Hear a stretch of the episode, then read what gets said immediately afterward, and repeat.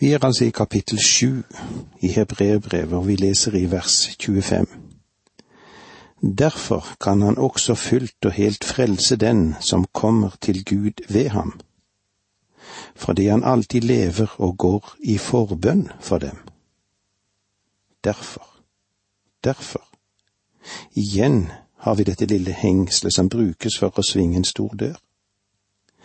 Den svinger tilbake til det som er blitt sagt tidligere, og så svinger døren opp igjen, om vi kan si det på denne måten, til det som ligger foran oss. Han lever alltid. Først av alt så sier dette verset oss at Kristus ikke er død, han lever. Akkurat i dette øyeblikk, øyeblikket lever han. Vi understreker ofte Kristi død og oppstandelse, men vi må føre linjen videre. Vi har å gjøre med en levende Kristus. Vi kjenner ikke han lenger etter kjødet, det vil si som han var, det han var som menneske. Vi kjenner han i dag som vår store øverste prest, som er ved Guds høyre hånd. Det er det vi trenger å gripe fatt i i dag. Det er det vi trenger å legge vekten på. Han døde her nede for å frelse oss, men han lever der oppe for å bevare oss frelst. Derfor kan han også fullt og helt frelse dem som kommer til Gud ved ham. Kanskje den gamle oversettelsen er enda sterkere når han sier at han kan fullkomment frelse dem som kommer til Gud ved ham. Det er ikke noe som trenger å legge til her, og ingenting som kreves av at vi må gjøre noen ting, av vår innsats. Han er den store hyrde som frem til nå aldri har mistet et eneste av sine får. Han vet å ta vare på dem og føre dem hjem. Er du et av hans får, så kan du vel mange ganger føle det som om du er tapt. Men han finnes der for din skyld, og godt er det å vite han våker over oss, han våker over deg, han våker over meg og det er en fantastisk og trøstende tanke. Han lever alltid og går i forbønn for oss. Forbønn betyr egentlig å gripe inn i forholdet til. Han griper inn på våre vegne. Vi blir frelst ved hans liv, som det står i Romerbrevet fem. Og Johannes han skrev det på denne måten i sitt første brev, Mine barn, dette har jeg skrevet til dere for at dere ikke skal synde. Vel, Johannes, du taler ikke til meg nå fordi jeg gjør en masse galt. Johannes, har du et ord til meg? Og så fortsetter Johannes og sier til oss, men om vi synder, nå høres det bra ut, så har vi en talsmann hos Faderen, Jesus Kristus den rettferdige. En talsmann er en som taler til fordel for oss, en trøster, en som står på vår side. Han er Jesus Kristus den rettferdige. Alt han gjør er rettferdig. Vi skal bli frelst ved hans liv. Derfor kan han også fullt og helt frelse dem som kommer til Gud ved ham, fullkommen frelse. Tenk når vi ble frelst den dagen når Jesus fant oss. Men eh, det er òg viktig å tenke på dette at vi er ikke fullkommen frelst enda. Det ligger et farlig veistykke foran oss, og mange har begynt godt, men så gikk de trøtte. Vi er ikke helt frelst før himmelporten går igjen bak oss. Og til den dagen kommer, så må vi kjempe, og vi må våke, og vi, vi må vente. Derfor kan han også fullkommen frelse dem som kommer til Gud ved ham. Kanskje du sitter og hører på dette nå og synes at striden og kampen er blitt for hard og så griper frykten deg. Kanskje tvilen legger seg inn over sjelen din. Hør, du er ikke alene i striden. Jesus kjemper med deg. Han lever alltid til å gå i forbønn for deg. Kan du tenke noe større? Ja, han ber for deg, enten du glemmer det eller ei.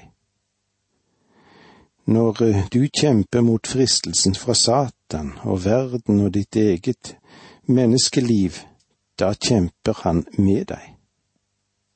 Han er med deg, og når du er sløv og kanskje kald, da ber han enda mer.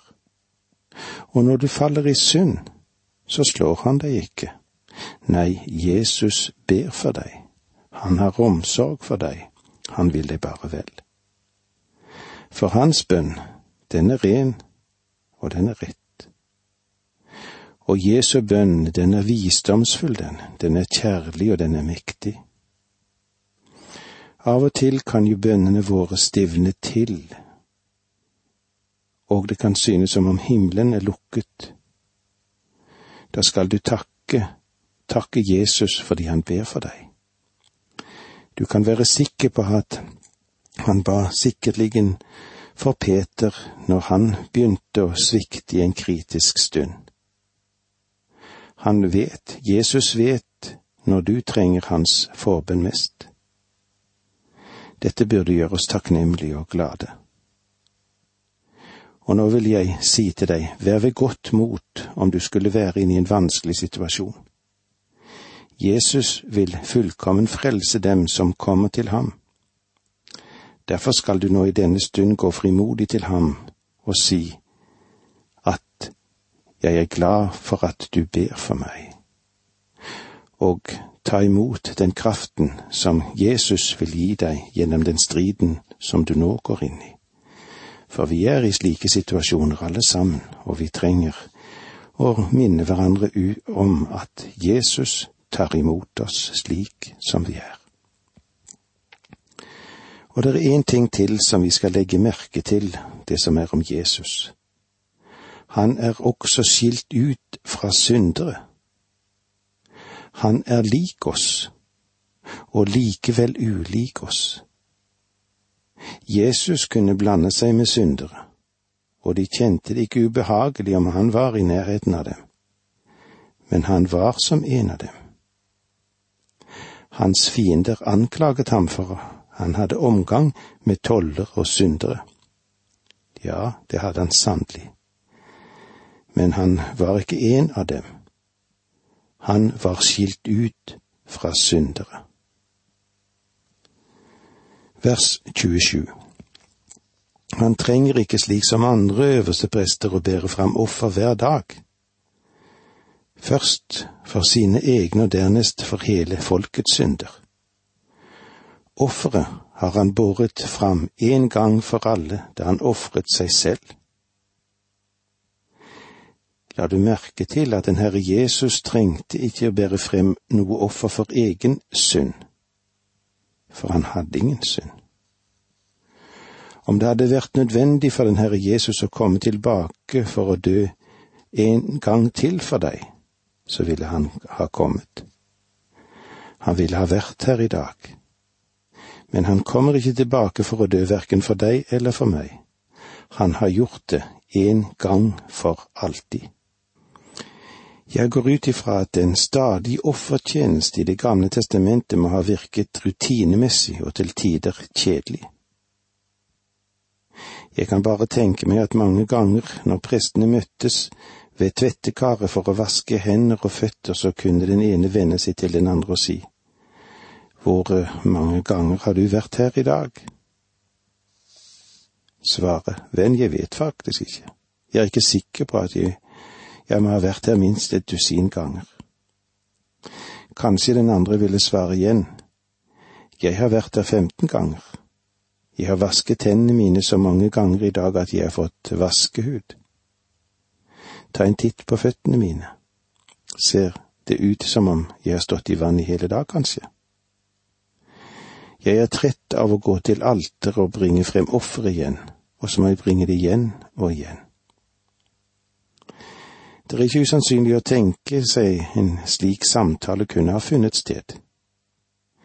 Hvis Aron hadde hørt denne samtalen, tror jeg han hadde sagt, Jeg er enig med dere i at ritualene kan virke tretten iblant, men vet dere hva Gud forsøker å fortelle oss gjennom dette?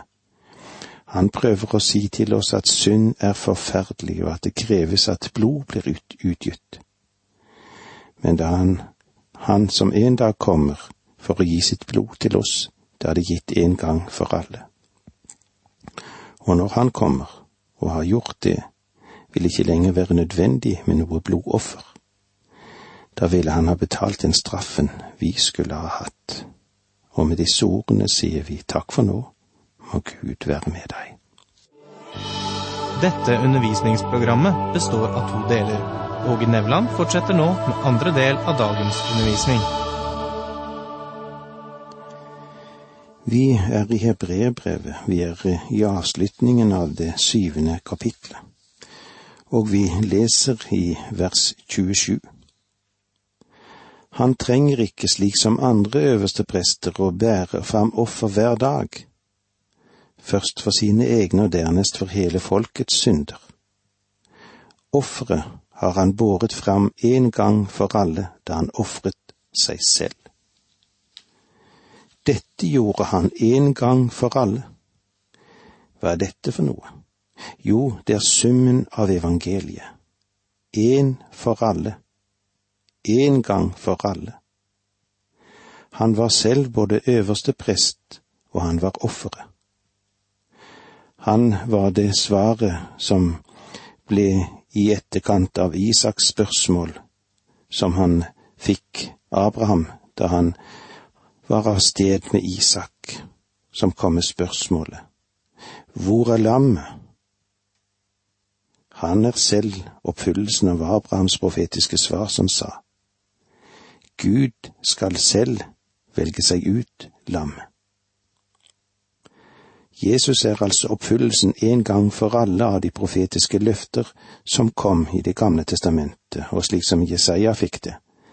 Derved at de kjenner ham, skal den rettferdige min tjener rettferdiggjøre de mange, og deres misgjerninger skal han bære.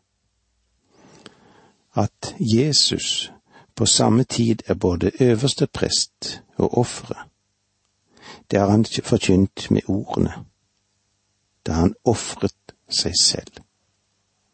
Dette er en sannhet som enda mer opphøyer ham både over Melkisedek og hvem det måtte være, Aron og de alle som levde i den gamle pakt, de som var prester der. Dette er Guds evige råd til vår frelse, åpenbart en gang for alle i verdens historie. Dette skjedde i og med Jesu død på korset. Det er dette Paulus òg taler om i Efeserbrevet. Kristus elsket dere og ga seg selv for oss som en gave og et offer. Til hva? Gud til en velbehagelig duft. Jesu offer av seg selv var fullendt da han sa det er fullbrakt. Det er fullbrakt. Eller slik som Gud stadfestet dette, som det står i Romerbrevet 1.4. Ved hellighetsånd innsatt som Guds mektige sønn da han sto opp fra de døde.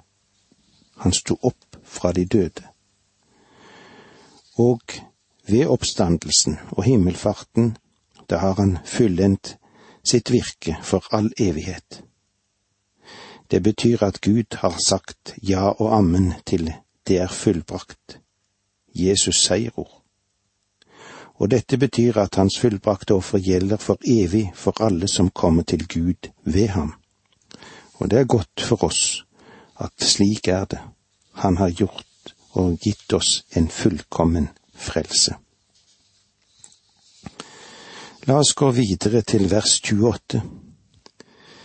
De som loven innsetter til øverste prester, er svake mennesker, men det ordet som ble stadfestet med ed, og som kom senere enn loven innsetter sønn, han som har nådd fullendelse til evig tid.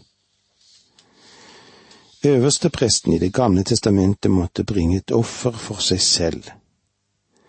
Den Herre Jesus, han gjorde aldri det. Vi har altså en øverste prest som vi kan komme i kontakt med, og som vi kan nå hver eneste dag. Han er der for å hjelpe, og han forstår oss, men han er hellig, han er god, og han er ren, og skilt ut fra syndere. Det var så langt vi hadde med oss i kapittel syv. Nå går vi inn i kapittel åtte, som er selve toppunktet for denne fantastiske epistelen som vi har foran oss i dette kapitlet. Faktisk så begynte dette i vers 25 i det foregående kapittel, i kapittel 7. Derfor kan han også fullt og helt frelse dem som kommer til Gud ved ham, fordi han alltid lever og går i forbønn for dem. Dette verset er nøkkelen til hele denne delen.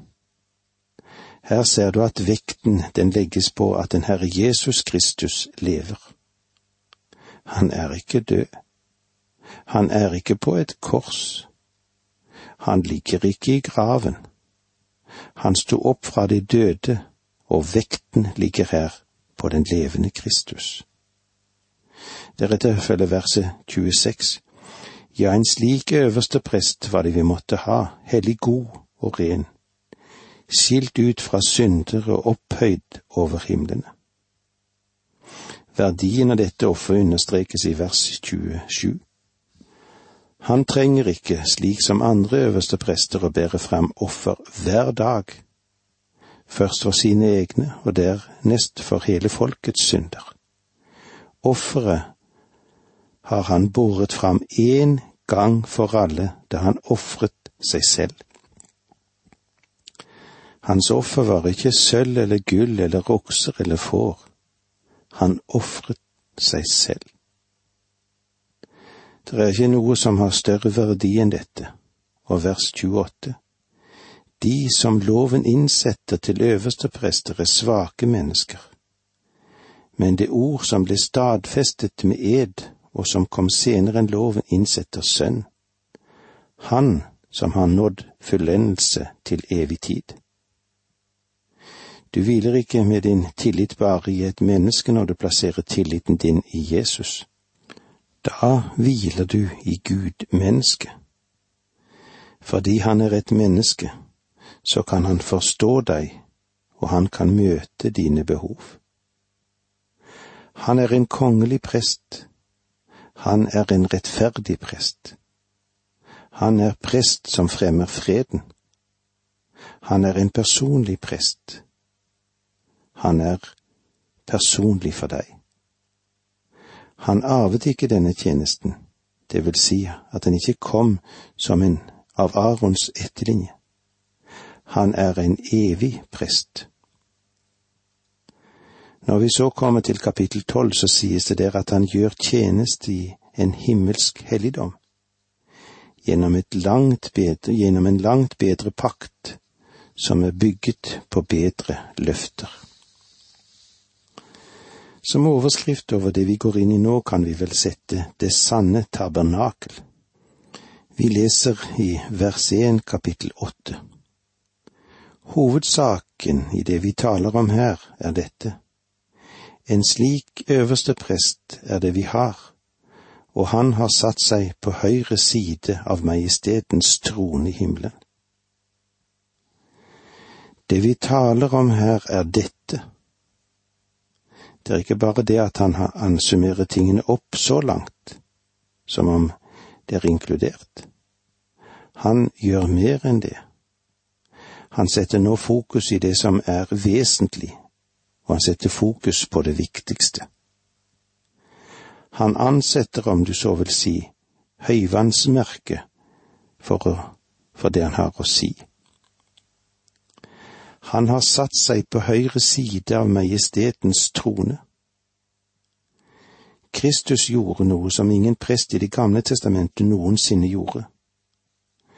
Det er ingen prest i Arons linje som noensinne hadde en stol en gang i tabernaklet der han kunne sette seg ned.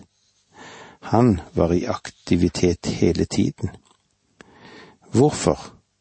Fordi han hadde en gjerning å utføre Alt dette er bare skygger som peker frem mot det endelige offer. Nå, når Kristus er død, er alt fullbyrdet. Og vi trenger ikke lenger undre på om vi gjør nok for å få del i frelsen. Det eneste vi trenger er å venne oss til Jesus Kristus og stole på ham som Frelseren. Han satte seg fordi han hadde fullbyrdet vår forløsning. Han ber oss om å akseptere det, ta imot det. Vers to. Der gjør han prestetjeneste i helligdommen, i det sanne møtetelt, som ikke er reist av mennesker, men av Herren. Besalel var håndverkeren som lagde de vakre tingene av tre til tabernakelet. Nådestolen og lysestaken var av gull og rikt utsmykket. Alt var skapt av menneskehender, selv om Den hellige ånd ledet ham. I motsetning til det tjener den Herre Jesus i et tabernakel som han selv har skapt i himmelen. Og nå får vi et blikk på ting som jeg er ute av stand til å presentere rett, ja, slik føler jeg det.